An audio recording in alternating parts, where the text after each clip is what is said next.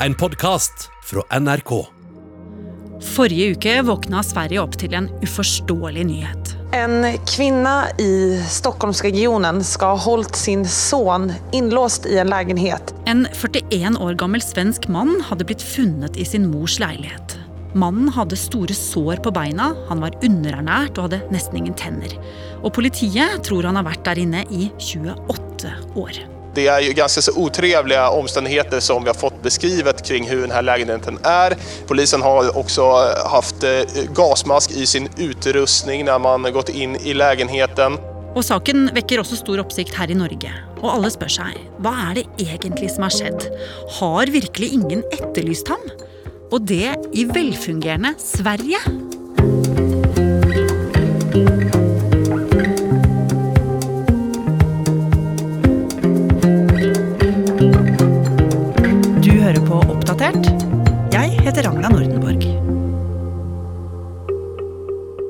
Dette her starter jo egentlig søndag i forrige uke, for da får en kvinne i 40-årene vite at moren er lagt inn på sykehus.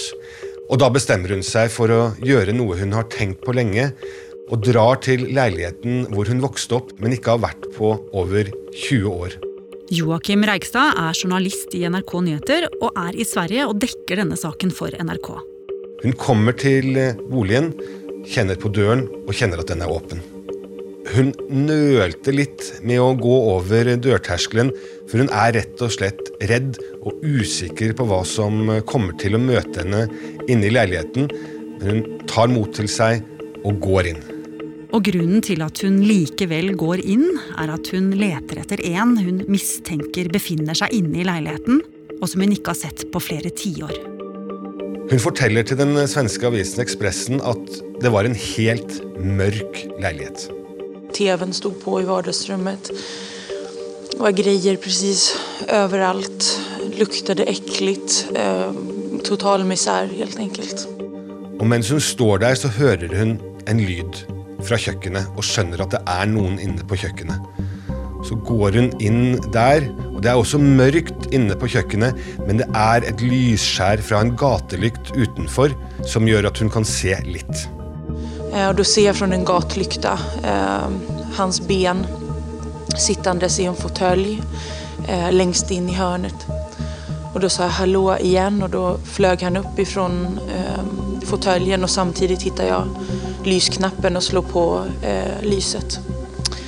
Eh, och då ser han att det, då ser han mig och då upprepar han bara mitt namn om og om igjen. Denne kvinnen vi hører fortelle her, fant altså sin egen bror i denne skitne, mørke leiligheten. Og når han får se henne etter alle disse årene, hvordan reagerer han da? Søsteren forteller jo at eh, han virket glad, men også stresset eh, over å se henne. Og mens de står der, så oppdager hun jo at han er i en veldig dårlig forfatning. Hun forteller at eh, han ikke har tenner i munnen. Han har et uklart språk, klarer ikke helt å formulere setninger og ord ordentlig. Og han har store sår på beina og på føttene som gjør at søsteren skjønner at hun må ta affære. Søsteren ringer etter hjelp, og like etter svinger en ambulanse inn foran inngangen til blokka og tar broren med til sykehuset.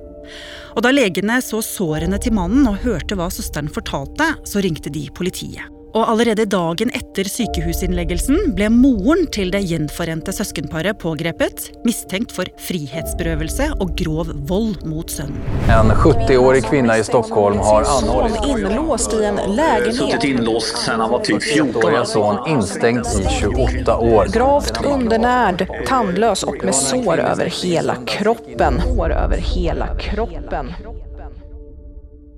Og da nyheten kom, så stilte jo naboer og lokalsamfunnet seg helt uforstående til det som hadde skjedd.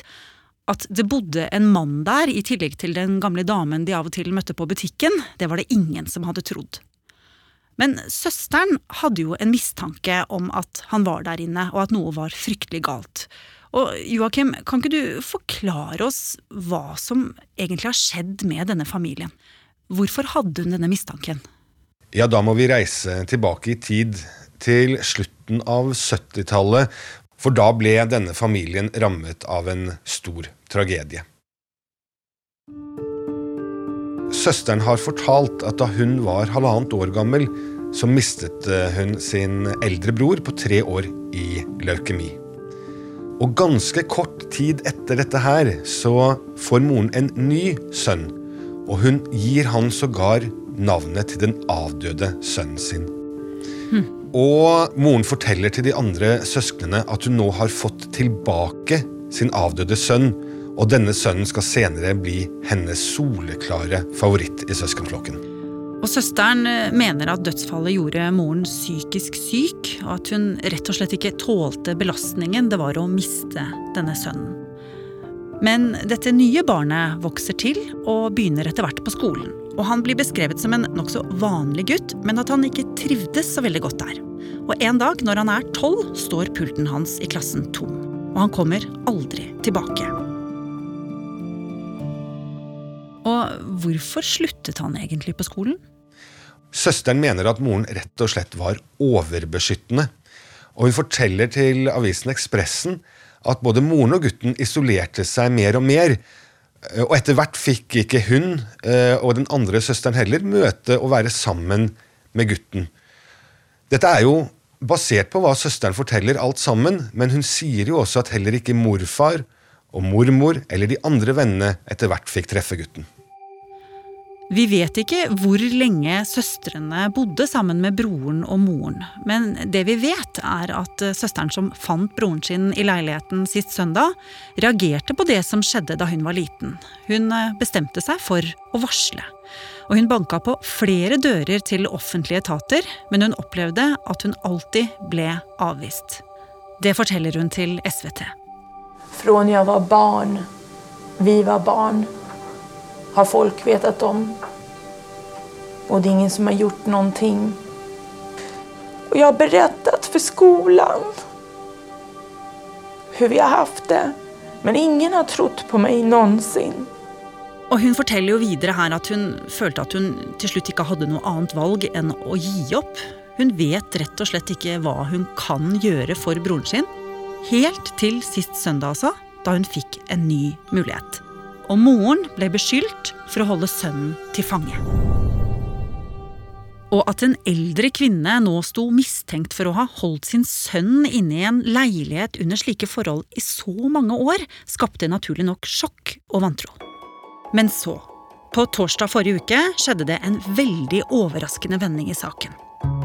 Den kvinna som tidligere i veckan anhölls misstänkt for att ha hållit sin idag vuxne son frihetsberövad under flere decennier er ikke lenger misstänkt for noe brott.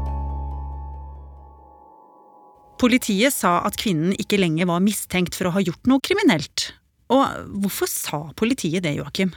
Ja, altså Det mannen har eh, forklart i avhør, det er at han selv kunne forlate leiligheten akkurat når han ville.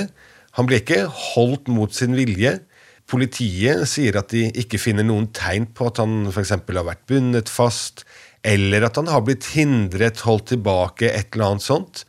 Legen som har undersøkt mannen da han ble lagt inn på sykehuset, sier at det er ingen tegn på vold her.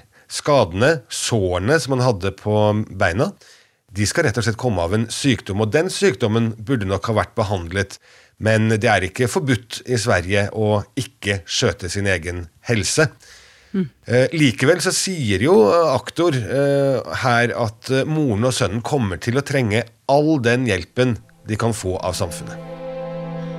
Og at dette er en familie som virkelig trenger hjelp, forstår vi enda mer av da moren på torsdag forrige uke bestemte seg for å åpne døra for avisa Ekspressen.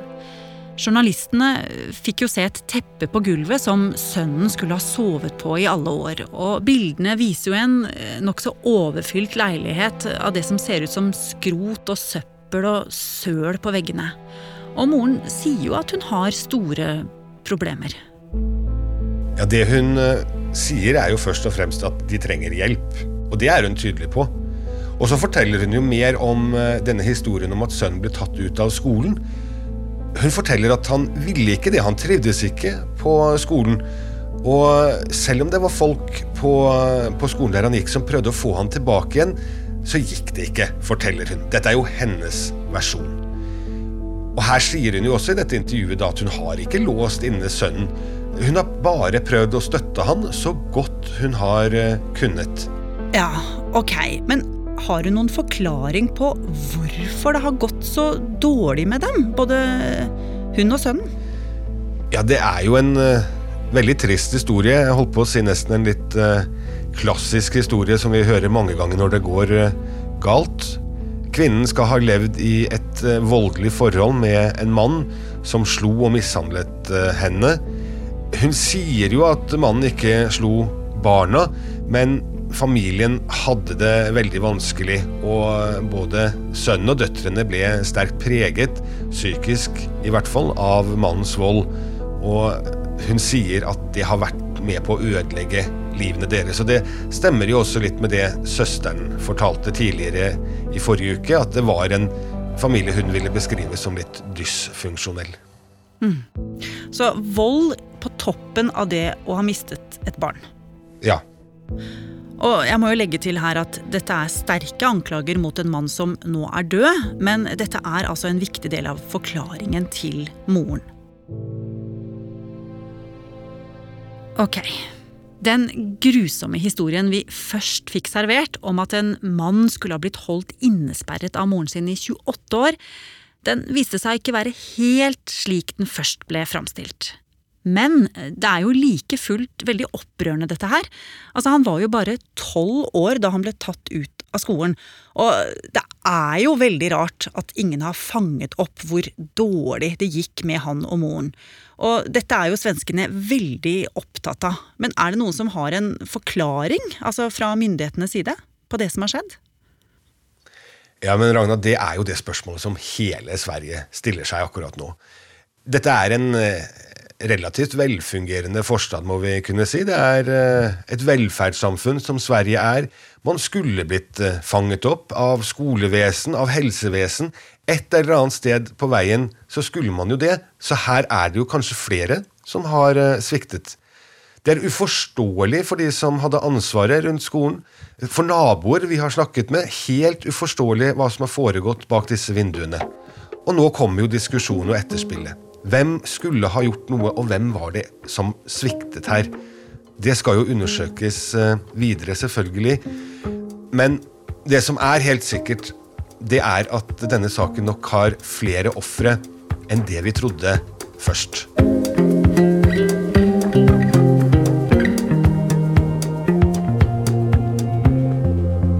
Har du lyst til å bli fast lytter av oss i Oppdatert og få påminnelse om nye episoder, så er det bare å abonnere på oss i NRK radioappen. Og så er det veldig hyggelig hvis du vil anbefale oss til en venn. Oppdatert er en podkast fra NRK Nyheter, og denne episoden er laget av Ida Tune Øritsland, Andreas Berge og meg, Ragna Nordenborg. Eva Midthun Leira er redaksjonssjef. Vil du kontakte oss, gjør gjerne det på oppdatert alfakrøll nrk.no. Du har hørt en podkast fra NRK. Hør flere podkaster og din favorittkanal i appen NRK Radio.